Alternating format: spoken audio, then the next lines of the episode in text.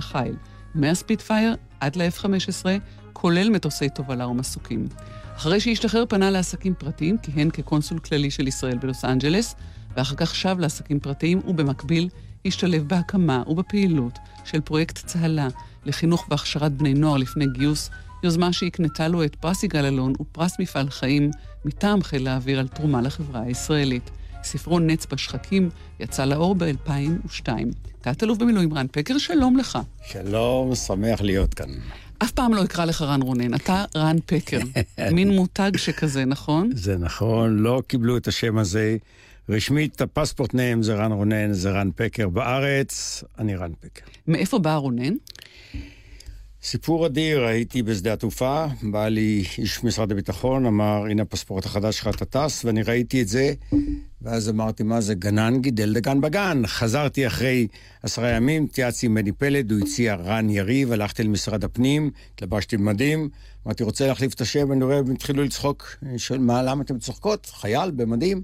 אמרו, כי יש חוק שבע שנים בשם עד שאתה יכול להחליף, ואז אמרתי, רן רונן זה נהדר, התרגלתי. וחיל האוויר לא קיבלו ולא עזר שום דבר, וגם המדיה התנגדה, וזה רן פקר. אמרת חייל במדים, משרד הפנים, אבל זה לא חייל במדים, זה טייס במדים. וטייס זה פירמה. הייתי אז רב סרן, כן, במדים. טייס, אני חושב שגם היום. אנחנו גאים, אבל אני התנגדתי אז לטובים לטייס. זה היה מתאים לעזר ויצמן לאותה תקופה, עם מנהיגות בסדר גמור. אבל כשהתבגרנו, היה על זה ויכוח. אני אמרתי, המתאימים לטיס. כי הטובים הם לשריון ולסיירת מטכ"ל ולשייטת ולכל מקום. המתאימים, נכון שאנחנו צריכים כמה תכונות, כמו שבסיירת מטכ"ל ובשייטת כמה תכונות מסוימות, ואת זה אנחנו באמת מדגישים, ולכן המתאימים לטיס. מה הם המתאימים, או מי הם המתאימים לטיס? מה מתאים לטיס?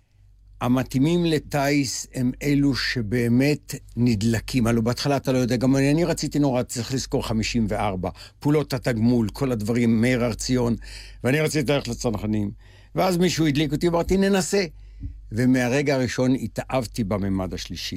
בוא, בוא נתחיל עם כך, כמו שאנחנו נוהגים לעשות באמת בחוויה הראשונה, או מה שאתה זוכר מהגיוס לצבא. שלישי למרץ, 54. גשם? אני... כן, היה סגרי, אני זוכר את זה נהדר, והלכתי לבד ארבע, שלחו אותי, ושם די מהר הכרתי גם אנשים, ארבעה ימים, והוציאו אותי, שלפו אותי, אמרו, קח את הקידבק, סע לסירקין. לא עשיתי תורנות סירקין, באתי לקורס טייס שכבר התחיל. ו... איך נהיה? למה? כי הייתי מועמד לקורס טייס, הנתונים היו כן, הסכמתי להתנדב עד שהניירת הלכה. פתאום גילו, שלפו אותי אחרי ארבעה ימים מתוך הפלוגה בתחילת האימונים, והצטרפתי לקורס 18. היום זה קורס uh, כבר 158, אבל קורס 18, uh, וככה התחלתי את זה. אחרי 16 חודש הייתי טייס. אתה התאהבת? באיזה שלב? במטוס זה לא יאומן. 아, תראי, טלי, 99.9% מאוכלוסיית העולם מכירה שני ממדים, קדימה, אחורנית, ימינה ושמאלה. הממד האנכי השלישי הוא המטרף את השכל.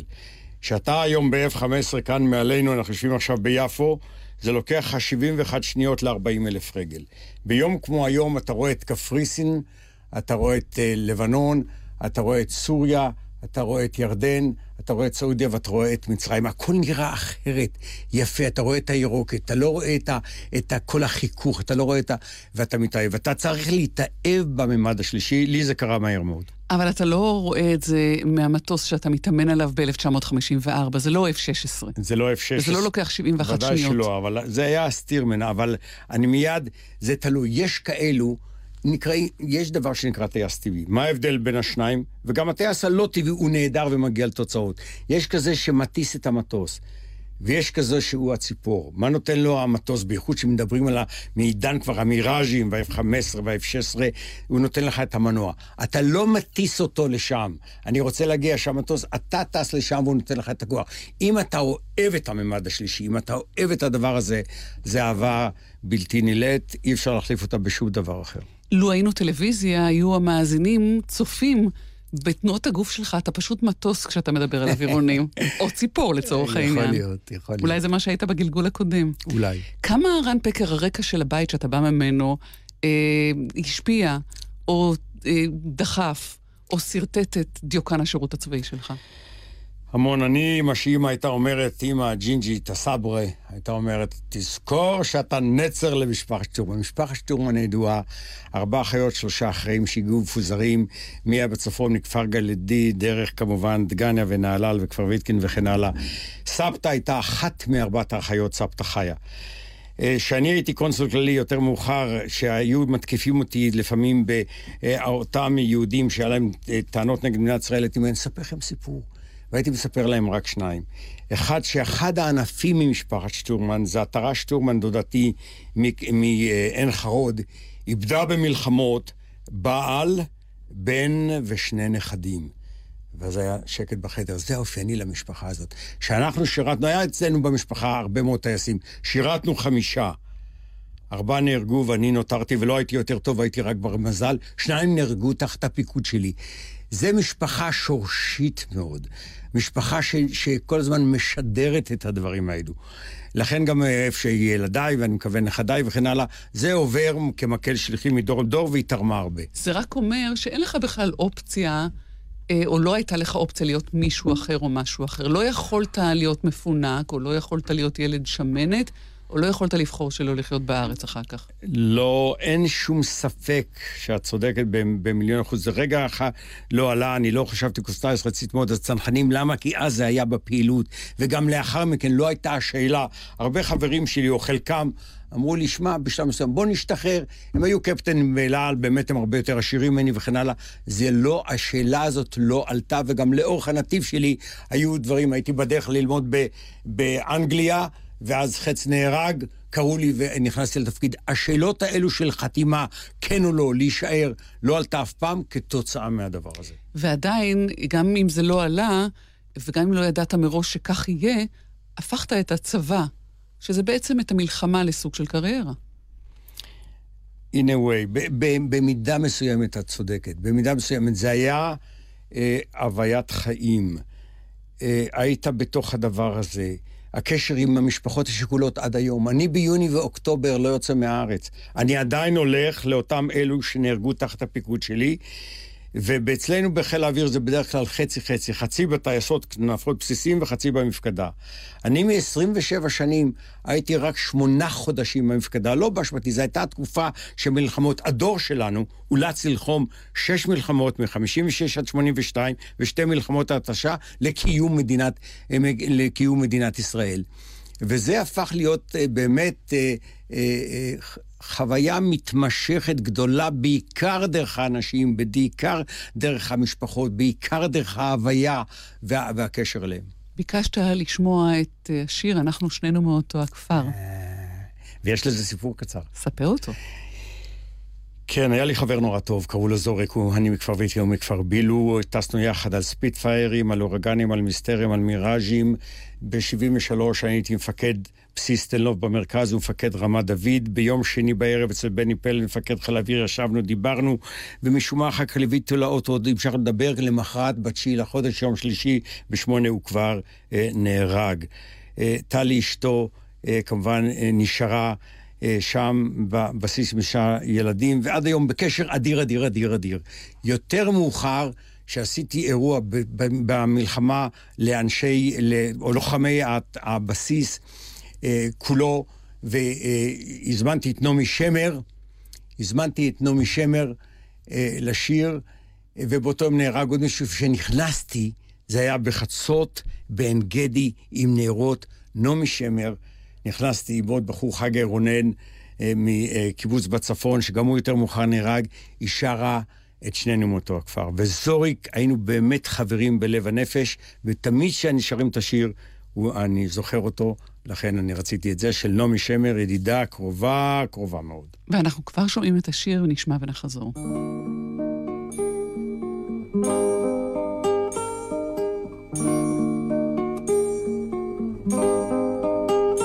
אנחנו שנינו מאותו הכפר, אותה קומה, אותה בלורית שיער, אותו חיתוך, דיבור, מה יש לומר? הם, אנחנו מאותו הכפר. אנחנו שנינו מאותו הכפר, שדה ירוק חצינו עד צבא, בערב שבנו יחד לכיכר, כי אנחנו מאותו הכפר.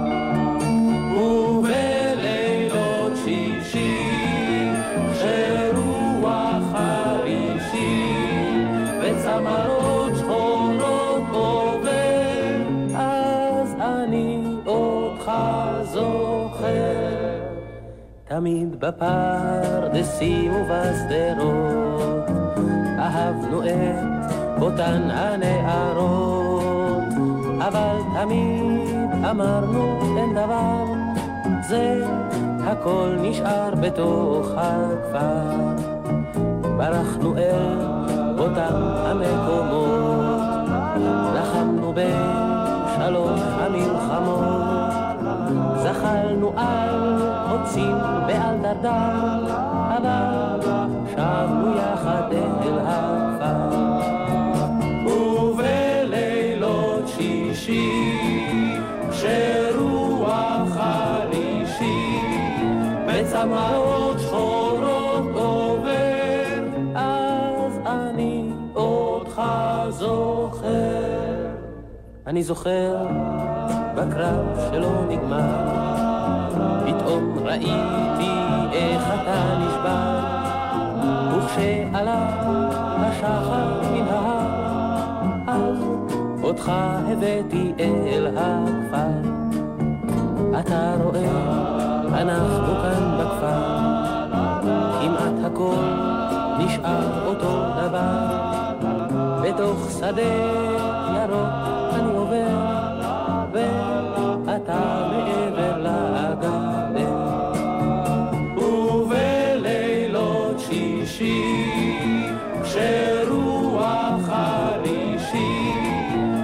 בצמאות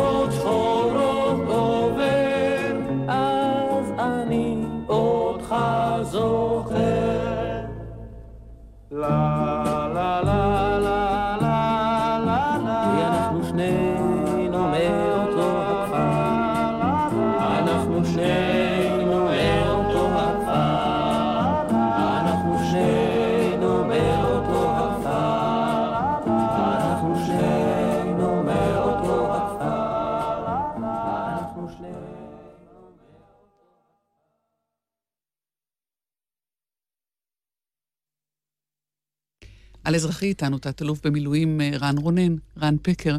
אתה נאלצת לנטוש אה, מיראז' בפעילות מבצעית. כן, לא אשכח את זה, זה היה אוגוסט 1966, אה, המצרים התחמשו וכן הלאה, והיו צריכים אז באופן דחוף להכניס את המיראז', שהוא היה מטוס חדש, לנושא של איסוף מודיעין. לקחו לו את האף שהיה בו מכ"ם, התקינו אותו טכנאים ישראלים, מצלמה, וזה היה דחוף, סיירת מטכ"ל הייתה באותו זמן כבר מוכנה לפעילות מבצעית שצריכה את התמונות שהמיראז' צריך להביא. אה, ואני הייתי סגן מפקד טייסת, ומפקד הטייסת לא היה, אני עשיתי ביום, ביום מסוים, אחרי הצהריים, עשיתי גיחת ניסוי, בבוקר ניסוי מצלמה, ובשתיים כבר המראיתי אה, לדמייט, שזה במרכז הדלתא, דרך סיני שהתחיל אז מרפיח. אה, הייתה, אה, צילמתי שם את כל מה שצריך בשביל הפעילות הזאת אה, בעומק מצרים, וכשחציתי בחזרה גבול, המנוע התפוצץ. ואז צריך לזכור שמיראז' ללא מנוע בת כנפי על דאטה שלו, הוא מפסיד 12 אלף רגל בדקה. היה לי איזה 12-13 שניות לעשות, ואמרתי, קיבלתי קאט והתחלתי לעשות את עשר הפעולות להדלקת המנוע, לא עוזר שום דבר. אמרתי, אני נוטש, ואז הוצאתי את הראש החוצה, ואני רואה שהמטוס נכנס לאמצע בני ראם, יישוב בני ראם, ואמרתי, אני לא נוטש, והשארתי את המטוס במצב נחיתה, אסור להישאר במטוס, כי הזנב נוגע קודם, וזה הורג את הטייס לפי הוראות. ושראיתי שהוא, אני מעריך שהוא יעבור אח, אחרי הבית האחרון, אז החלטתי, הייתי צריך לנטוש ב-900 רגל, 300 רגל, נטשתי, והתחלתי להתגלגל באוויר, וראיתי את האדמה באה מהצד, צריך לראות אותה מלמטה, הבנתי שזה נמוך, אני לא עושה את זה. ובאמת נפתחו שלושת המצנחים, תוך כדי הגלגולים ראיתי את המטוס עובר מטר אחד מאחרי הבית האחרון, ואז נפתחו מצנח קטן, מצנח בינוני, והגדול לא לגמרי, ועשיתי קרש אה, לקרקע. רצתי למטוס, שהוא היה 200 מטר ממאחרי הבית, והייתי שוכב מטוס מיראז' 53, באמת תת-טייס שבור, בזה היה אסור להישאר. אני, שנטשתי אותו לפני דקה, הפסקתי את המפסקים. נעשה סיפור ארוך קצר, הרמנו אותו, הוצאנו את המצלמה, פיתחו, והליקופטר הביא את זה באותו לילה. מהמטוס הנטוש לסיירת מטכ"ל שביצעה, באחת בלילה הוצאנו את המנוע, שמנו אותו על טסבן, מי יש מתקן כזה, ולחצתי על הסטארטר, וראינו זרנוקי דלק אדירים. מסתבר, תקלה של ה... אה, זה נקרא סנקמה, זה הבית חרושת שיצר את המנוע הזה, מנוע אתר 9. אה, וזה היה מטוס 17 שהצרפתים איבדו, הם איבדו לפני זה 16, אבל התרסקו ומצאו את התקלה שהיה בייצור של זרנוקי המים האלו של האינג'קטורים. הם נתנו לנו צרפתים רבע מיליון דולר. ומנוע חדש. ומה על עוגמת הנפש, או על, על, על שמחת הנפש, על הצלחה הזאת? השמחה הייתה, מה קרה? חיל האוויר הישראלי היחידי בעולם החליט לשפץ את המטוס, ועבדו עליו שנתיים, ואני, שנטשתי, פעם ראשונה בעולם, עשיתי טיסת מבחן על המטוס הזה אחרי שנתיים. עקבתי אחריו, ב-73' הוא הופל. אה, מטייסת אחרת העברנו אותו, הוא הופל במלחמת יום כיפור. גורל זה גורל, גם של מטוס. גורל. אבל אתה מדבר על זה כעל איזו חוויה אה, אה, כמעט אה, מרוממת נפש. בכל זאת זה רגע של מפגש אה, לא סימפטי, מה שיכול להיות מוות. ואני רוצה לדעת אם כל מה שלומדים ומתאמנים אליו, זוכרים באותם רגעים. אתה תיארת סדרה ארוכה מאוד של פעולות, שבוודאי לקחו כל אחת כמה שניות. איך, איך מרכז, מתרכזים, איך אוספים את עצמך ככה? שאלה מטרפת. אני הייתי אומר לטייסים שלי, תראו, שאתם נלחמים, תילחמו כמו אריות, כמו נמרים, לחזור הביתה חי. רק המשוררים ובשירים אומרים שחושבים על הכותל, על מדינת ישראל, אפילו על המשפחה. זה לא נכון. צריך להתרכז. ואני רוצה להגיד לך, והייתי אומר להם, אם אתה תהיה מה שנקרא באנגלית cool, calm and collected, אם תהיה רגוע ושקט, תחזור ממקומות ששום מחשב לא יראה שיחזור, ואתה גם מחזיר איתך אנשים. הנה המקרה הזה. אתה לא מפחד. למשל, אני ראיתי, אני עשיתי אה, שאלון ויש לי גרף הפחד, ואני יודע מתי הולכים לפחד. זה עניין אישי. אני יכול להגיד על עצמי, וכל אחד לפני גיחות מסוימות, הוא בלילה, הוא, הוא מתרכז והוא, יש את הפחד. הבעיה להשתלט עליו. אני למשל, מרגע שהייתי נכנס בגיחות מאוד מורכבות, גיחות איסוף מודיעין באמת למרחקים אדירים, שמתוכנן על, על קצה גבול המעטפת, ברגע שבקוקפיט אתה שקט ורגוע ויושב ומתרכז, ואז, והיו עוד הרבה תקלות כאלו שהיו, ואם, רק אם אתה שקט ורגוע, אתה יכול לצאת משם, וזה אחד המקרים שהיום מהר צריך לה, לה, להיות, אה, להפעיל את הפעולות הנכונות, וברגע מסוים לקחת החלטות, וזה קורה. אמרת שעשית שאלון ואת הגרף של הפחד. מה זה? דבר מטרף. אחרי יום כיפור, אני לקחתי ועשיתי אה, שאלון אה, יפה מאוד, עשיתי סקר סוציומטרי, נתתי כל טייס חובה לעשות הערכה על כל אחד, שמתי את שני הגרפים האלו והיה קור... אה, קורלציה מדהימה. ועשיתי עוד דבר, הטלתי על מישהו והלכנו ותחקרנו טייסים וראינו שגרף הפחד, ברגע שאתה יורד לחדר מבצעים ואתה רואה שאתה טס עוד פעם עכשיו לנישס, שלפני שעתיים ראיתי, ראית שני חברים שלך בטנטה אה, נמרחים כנפלם, הפחד שלך עולה. אתה בסוף התדריך, שזה עוד פעם, כשאתה נכנס, כשאתה רואה את המטוס עם כל הפצצות, כל הבעיה הייתה להרגיל אותם ולדבר איתם ולהראות להם מניסיונך. לי יש, אה, יש לי 400 גיחות מבצעיות, 203 גיחות אה, של איסוף מודיעין במרחקים אדירים. אתה יכול על זה להשתלט. אם אתה יודע את הגרף הזה, ואתה יודע את הגרף, אתה מכיר שלך, ואתה יודע, אתה יכול לפחד, אתה יכול לחשוש, עד שאתה נכנס למטוס. למה? כי זה control של ההיגיון על הרגש. אם אתה לא תדע להפסיק אותו אז, אז סיכוייך לחזור הם פחותים. זה מחזיר אותנו לשאלה ולדיון שהתחלנו איתו, והוא מי מתאים להיות טייס. כי מה שאתה אומר הוא לא פרי של אה, אימונים. אולי אפשר גם לתרגל את זה, אבל בעיקר צריך להיוולד עם היכולות האלה. זה תכונות ללא שום ספק. יש כמה תכונות הכרחיות, למשל חלוקת קשב. אתה צריך לעשות הרבה דברים... ויכול להיות שאם אין לך את זה, אתה יכול להיות נגן בתזמורת או, או פרופסור במכון ויצמן. צריך להיות לך קואורדינציה ברמה מסוימת ומעלה. צריך להיות לך את הדבר הזה של הבאמת, ה control, באמת השליטה הזאת, העצומה על רגשות, חייבת להיות לך. ה control הזה על רגשות, בוא נתעכב על זה רגע. זה לא הופך את מישהו אה, טייס או בעל היכולת הזאת אה, לשלוט ברגשות, גם אולי לנטול רגשות או לשולט מדי ברגשות כאדם שמחוץ לתפקיד הצבאי? איזו שאלה מטרפת. תראי, אני איבדתי הרבה חברים. כשמטוס אה, נפגע, אה, זה מאוד דרמטי. בעשירית שנייה הופך להיות כדור אש אחד גדול. עכשיו, אבל כשאתה מאבד כאלו עם הרגשה שלא היית יותר טוב, אלא היית רק ברמזל, כי אותו אחד שטס על ידך 20 מטר והטיל פגע בו, היה יכול לפגוע בך, אז אתה הופך מצד אחד להיות נורא קשוח, נורא חזק. מצד שני, נורא רגיש ורגשני למה? לחיי אדם, לחברות, לכנות. אני הייתי אומר לטייסים שלי, תשמעו, שאתם נלחמים, אמרתי לך, תילחמו כמו אריות ונמרים.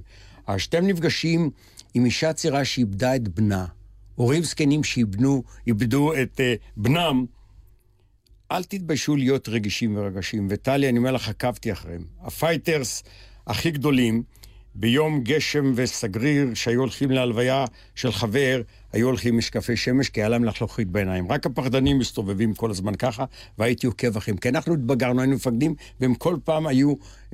והנושא הזה הוא נורא מעניין, את ה... יש כאן... יש כאן בהחלט קונפליקט בין שני הדברים האלו, אבל אם יש לך את הפרופורציות הנכונות, אתה קשוח כשצריך, אבל אתה נורא רגיש ורגשני. אתה אוהב את השירים האלו. אתה, אתה יושב עם, ה, עם המשפחות ועם האלמנות ואתה נקשר עליהם, ואתה, והם איתך עד היום, אתה עוקב אחריהם, מתכתב איתם, הולך לאזכרות, יש בעיות, הן באות אליך. הדברים האלו, הם לא מנוגדים, הם יכולים להשתלב. באיזשהו מקום זה סוג של תרפיה לתחושה אה, אפילו מאוד מאוד עמוקה של אשמה של בר המזל שלו, ש, שחזר בחיים? לא, שלילי טוטל, בהחלט לא. אה, אני, יצא לי דבר שאני אה, עד היום מתרגש להגיד עליו, יצא לי זכות אדירה. לפקד על טייסת מיראז' ב-67, שהפילה הרבה משימות, עשתה את כל המשימות, מה שכל טייסת מיראז', ולא איבדנו אף טייס.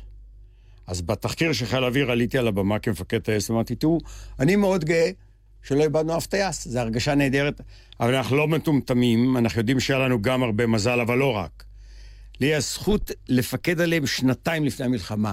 אני הכרתי אותם כנפשות. ואני אתן לך בסוף את הספר הזה, ואת תראי כאן סיפורים, איך תוך כדי המלחמה, על ידי שיחות בחצות, עם כל אחד שאתה מדבר איתו, אתה יכול להציל אותו, כי האלטרנטיבות הן קשות מאוד. ביקשת את לו יהי, ואת השיר הזה נשמע, ונחזור. עוד יש מפרש לבן באופק מול ענן שחור כבד. כל שנבקש לו יהי. ואם בחלונות הערב אור נרות החג רועד, כל שנבקש לו יהי.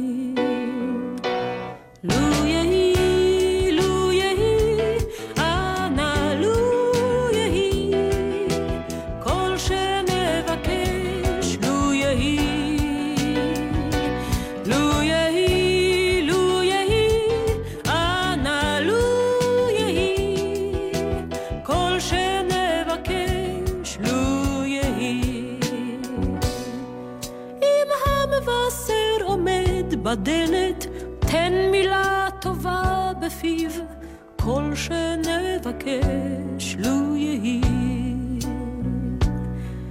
אם נפשך למות שואלת, מפריחה ומאסיף, כל שנבקש לו יהי.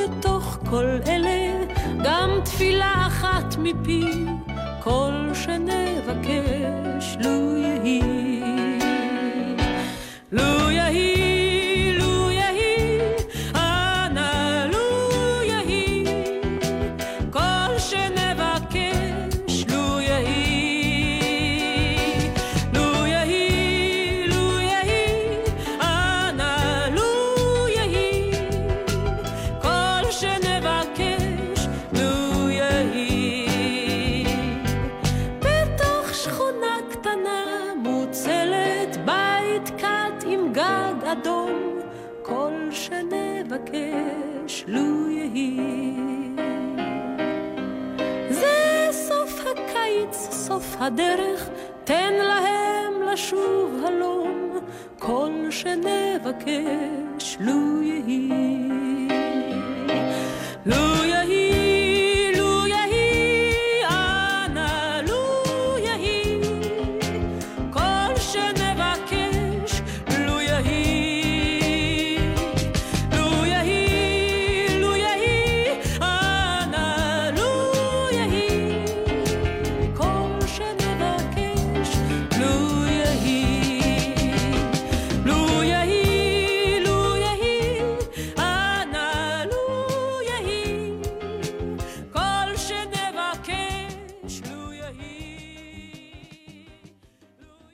על אזרחי איתנו, תת-אלוף במילואים אה, רן רונן, רן פקר, חיל אוויר, אם כך גם אם איננו צבא נפרד, הוא משפחה. הוא משפחה, והיא מש, משפחה אה, אה, מאוד אה, סגורה. גם מלוקטת, אבל יכולה להיות גם אכזרית. אתה הלוא ציפית להיות אה, ראש להק אוויר, ולימים מפקד חיל האוויר, ולא הסתייע בגלל איזה סיפור על הרג של שבוי ירדני. הסיפור הזה נולד בחיל האוויר. ללא שום ספק. בדיעבד אני יודע שאותם אנשים אה, שחששו שאם אני אהיה מפקד חיל האוויר, וסיכויי היו אה, סבירים, אה, ידעו, ואני גם כתבתי, ואז גם עזר ויצמן האשים אותי למה כתבת את המכתב הזה. אני אמרתי שאנחנו לפני מינוי מפקדים שאחראים על חיי אדם, קרי מפקדי טייסות, כנפות בסיסיים, אנחנו צריכים לשאול איפה הייתם, מה עשיתם וכן הלאה. ולחזור חזרה למלחמות, להתנהגות וכן הלאה. ואז אותו מכתב אנונימי שנכתב, אני חזרתי מלימודים בהרווארד, עשיתי שם תואר שני, וחזרתי וקיבלתי, היה, נפגשתי גם עם רפול וגם עם עברי בארצות הברית, והיה מכתב בכיסי שאני הולך להיות אה, מספר שתיים בחיל האוויר, ואז סיכויי הם סבירים. אה, כתבו בכתב לשר הביטחון, והאשימו אותי שאני רצחתי שבוי ערבי. אני באתי לשר הביטחון ואמרתי לו, אני לא נכנס לתפקיד. 23 יום ישבתי בבית, לא יצאתי מהבית, והמשטרה הצבאית חקרה את כולם, וכמובן שאז היה דוח של היועץ המשפטי, ואמרו לסגור את התיק, אבל להוסיף סעיף, הרמטכ"ל ישקול קידומו. ואז אני אמרתי, ידידיי, אם אני אשם בבית סוהר, אני, אין לי בעיות לשבת בבית סוהר. אם אני לא אשם, מה זה ישקול קידומו? זה מה שאחד לשני בכלל.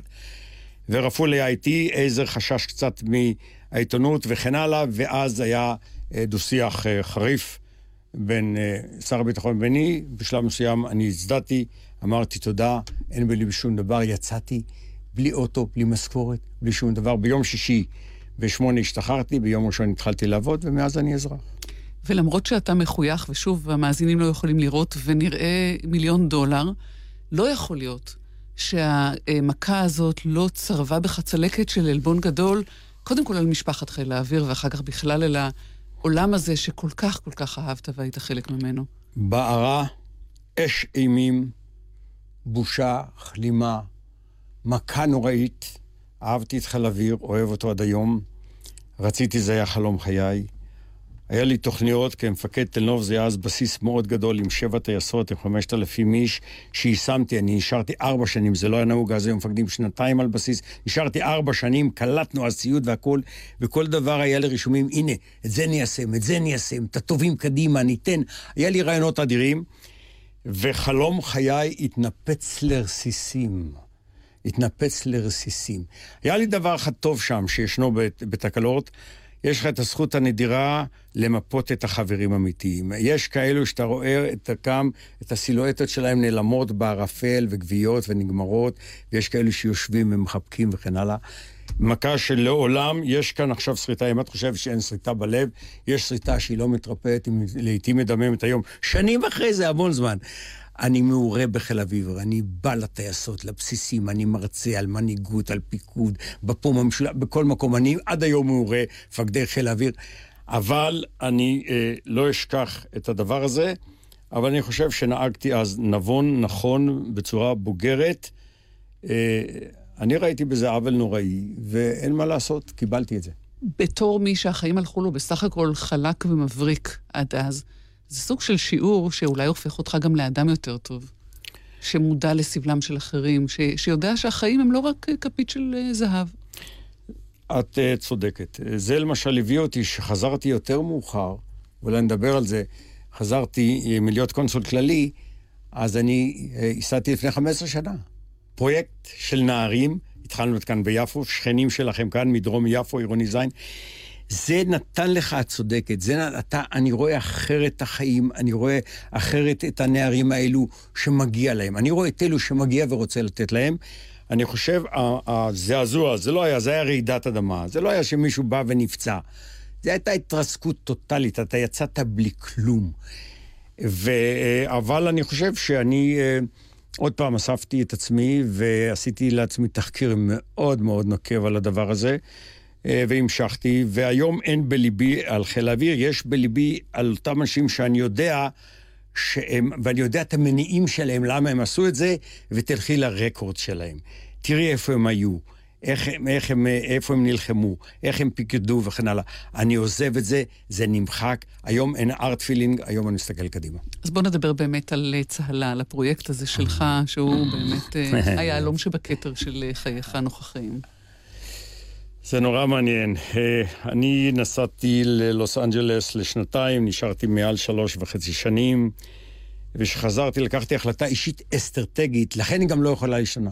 יוסי פלד, ידידנו לפני כמה ימים, בא אליי, אמר, אולי תבוא, תצטרף. אמרתי, יוסי, בוא נדבר על כדורסל, על חתיכות, על מה שאתה רוצה, לא על פוליטיקה, וסיפרתי לו על אותה החלטה אסטרטגית מקיץ 92. מה היא?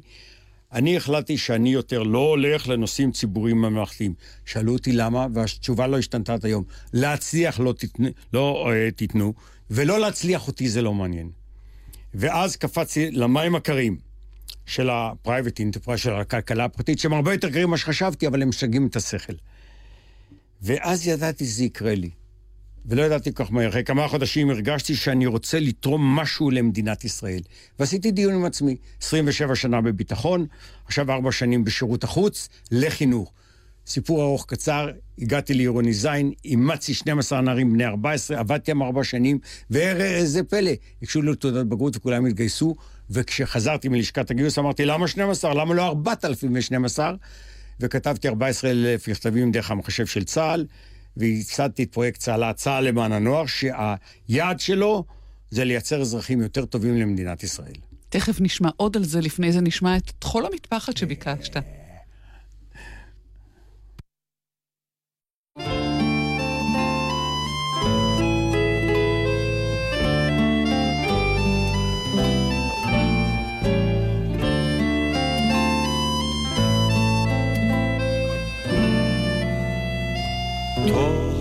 וטחול המטפחת, לטף ורוך של הים. את אז אמרת לי לא, לא אשכח עוד את פגישתנו לעד. ויהי היום, ואנו נפרדנו פתאום. כל המטפחת, קור טוב של נער חטטה ונשלם החלום.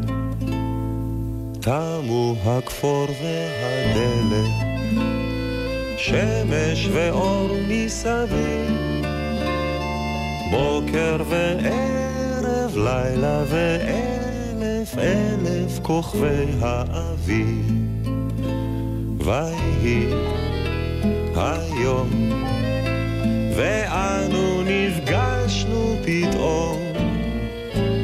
כל המטפחת, קור טוב של נחת, והתגשם החלום.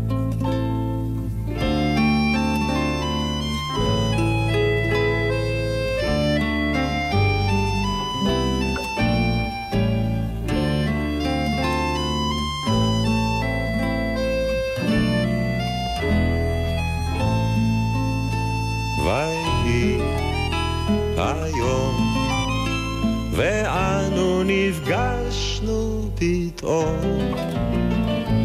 טחול המטפחת, קור טוב של נחת, והתגשם החלום.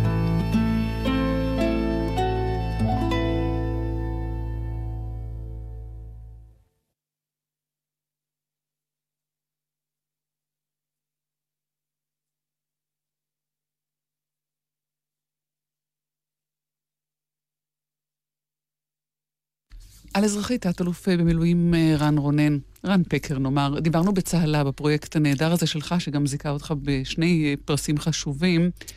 מה אתה עושה שם היום? ומי עושה את זה איתך? כן. אנחנו לא עוסקים בהשכלה פורמלית, לא תנ"ך, לא אנגלית, לא מתמטיקה, לא פיזיקה. אז מה כן? ערכים, חברות, אהבת הזולת, זכותנו על הארץ הזאת, חשיבות שירות המדינה, וכדומה וכדומה וכדומה. איך? אנחנו מפוזרים על כל הארץ ממטולה עד אילת.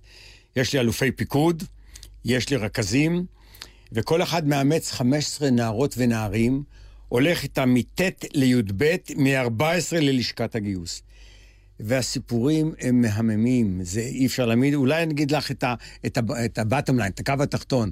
בחור מכאן, צחי, קוראים לו, אני לא אגיד שם משפחה, שהוא אה, התחתן לפני חודשיים כרב סרן קרבי עם סרן קצינה בצה"ל בשפיים. או נערה, שרית מקריית אתא, שהמחשב פלט אותה מצה"ל, אבל יש לי הסכם עם ראש אכ"א, שאלו שאני מכיר אישית ואני חותם, מקבלים, קיבלו אותה, והיום היא במג"ב, סמלת מבצעית עם שמונה אותות הצטיינות. אל תגיד לי שאתה מכיר את כל הילדים והנערים והנערות של צהלה. אני זה מכיר, אלפים. אני מכיר את רובם, והדברים, ההיכרויות הן היכרויות באמת אה, מאוד מאוד אה, אישיות, עם המון אה, פעילות. אני אתן לך אולי דוגמה, יום צהלה בחולות ניצנה עם לובה אליאב.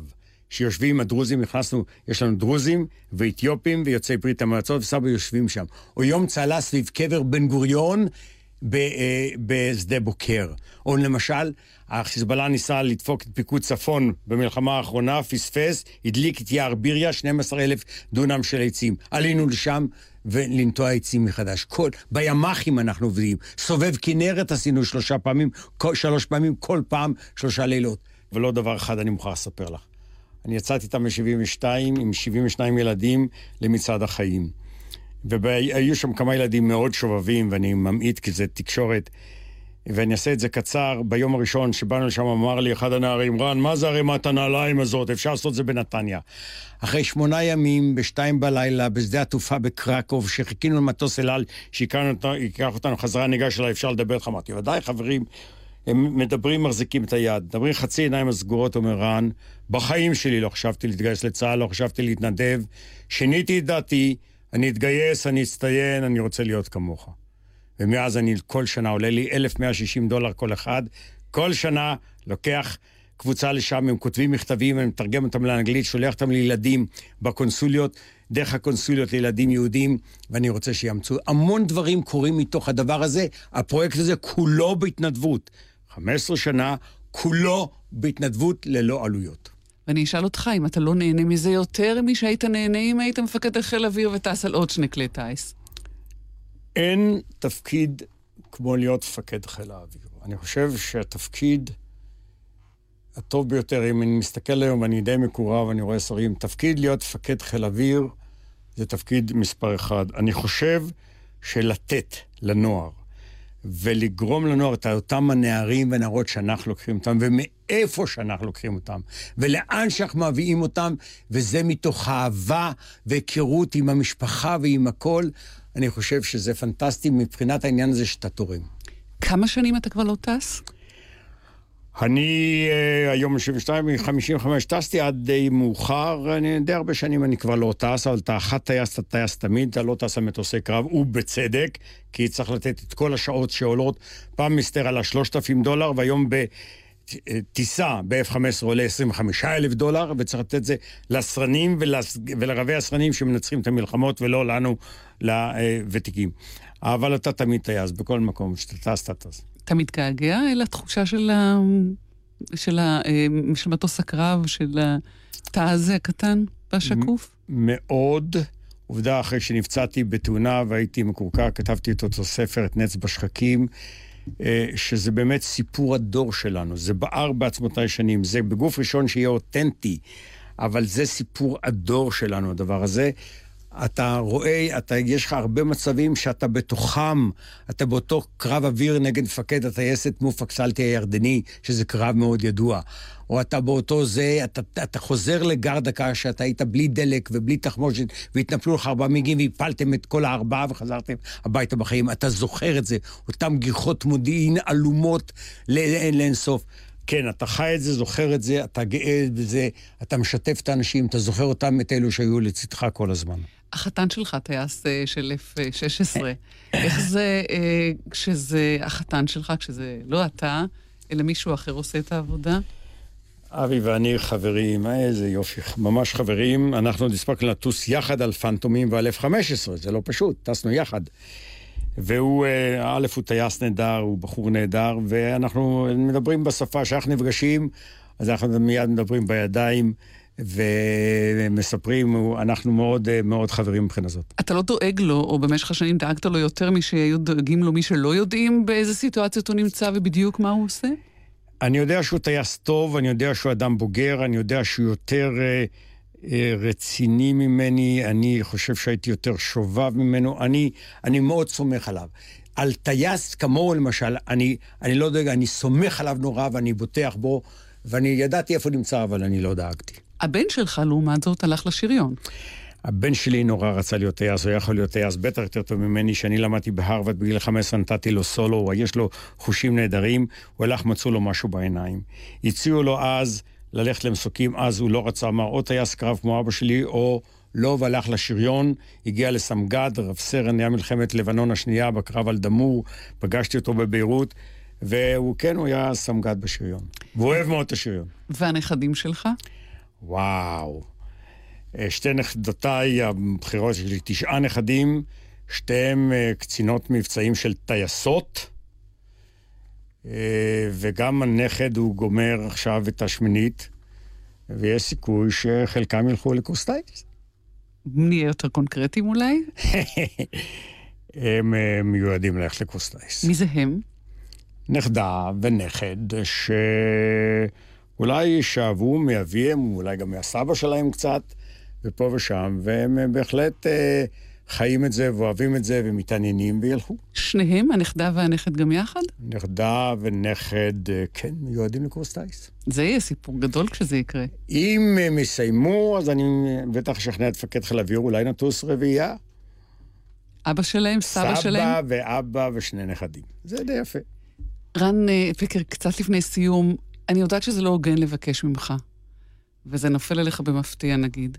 אירוע אחד, האחד, מכל 27 שנותיך בצבא, בחיל האוויר, שאתה לוקח איתך, הראשון שעולה לך בראש כשאני מבקשת ממך כזה דבר.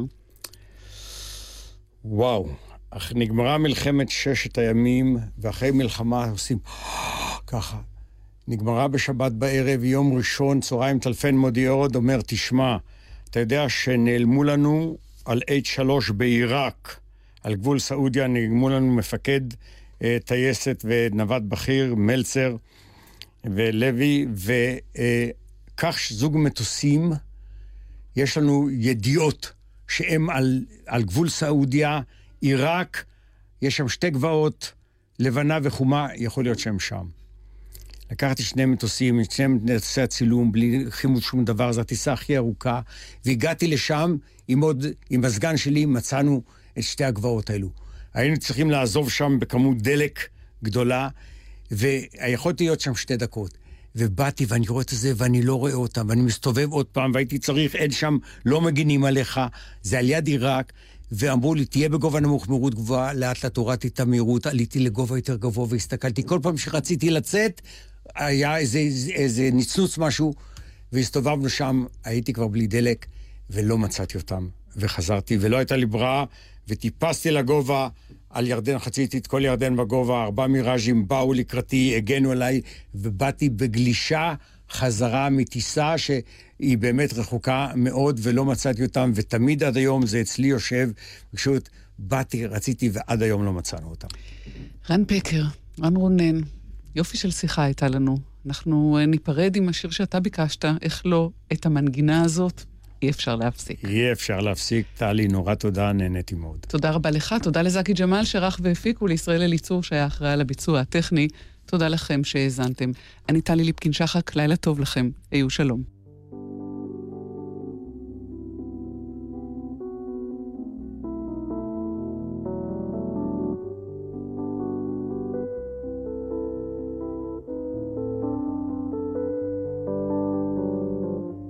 הבאנו בשידור נוסף את התוכנית על אזרחי, בה שוחחה טלי ליפקין-שחק עם תת-אלוף במילואים רן רונן פקר במלאת שנה לפטירתו. התקין לשידור נוסף נחום וולברג. המשך האזנה ערבה.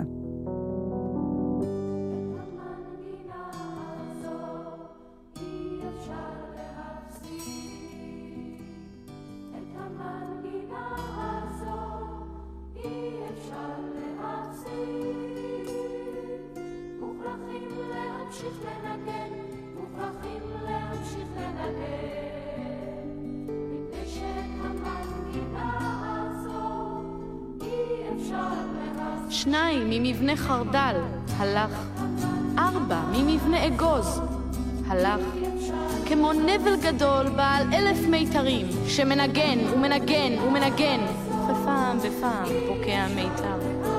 וממשיכים לנגן על מיתר אחד פחות, ועוד מיתר אחד פחות, ומיתרים פקעו ולא חזרו. חלקם חזרו וימשיכו לנגן, מפני שאת המנגינה הזו אי אפשר להפסיק, מוכרחים להמשיך לנגן.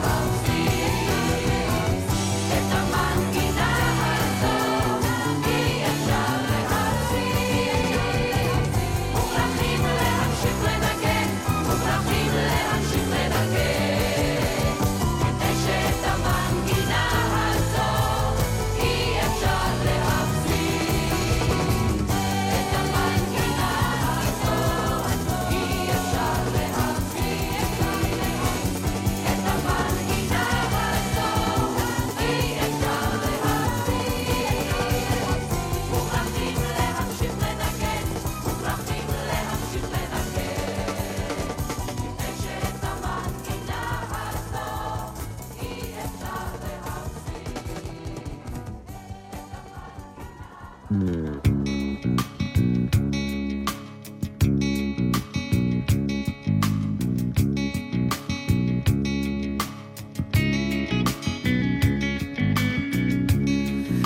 צעקה שתצעק מאיש, מישהו באיזה מקום ירגיש.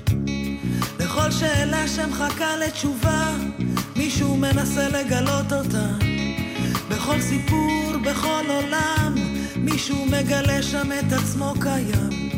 בכל שורה שמישהו אומר, מישהו יכול עוד שורה לחבר.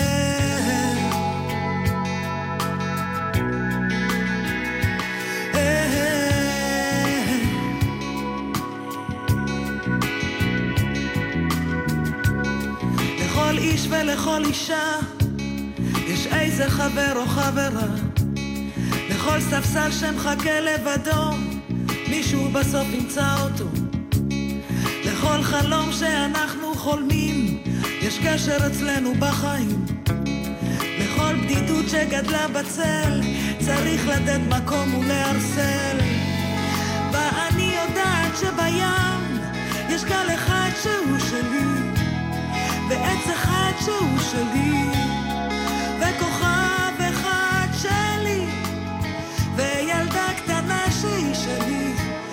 וחתיכת שמיים.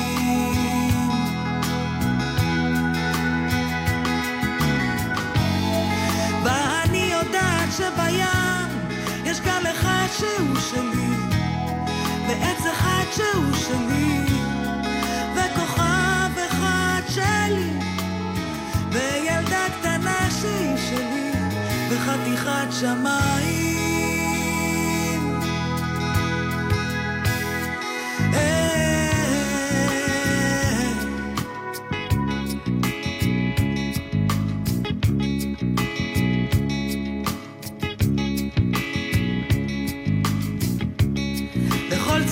שתצעק מאיש, מישהו באיזה מקום ירגיש.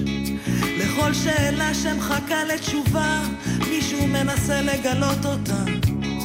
בכל סיפור, בכל עולם, מישהו מגלה שם את עצמו קיים. בכל שורה שמישהו אומר, מישהו יכול עוד שורה לחבר. ואני יודעת שבים יש גל אחד שהוא שלי, ועץ אחד שהוא שלי, וכוכב אחד שלי.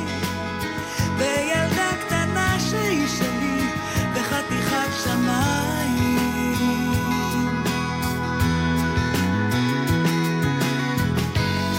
ואני יודעת שבים יש גל אחד שהוא שלי, ועץ אחד שהוא שלי,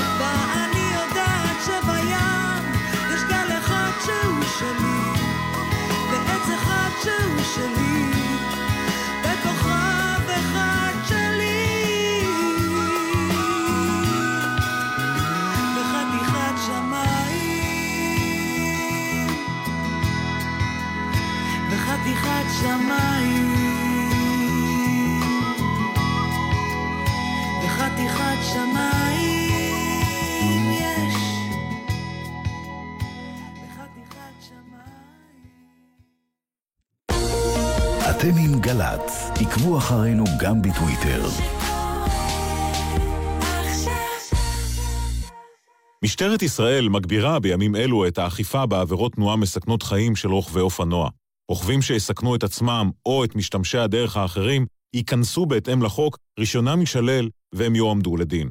רוכבי אופנוע, רכבו באחריות, סעו במהירות המותרת ועל פי תנאי הדרך. אל תשתמשו בטלפון הנייד בעת הרכיבה והתרכזו בדרך. נלחמים על החיים, עם הרשות הלאומית לבטיחות בדרכים ומשטרת ישראל. מיד אחרי החדשות, תוכנית מציאות.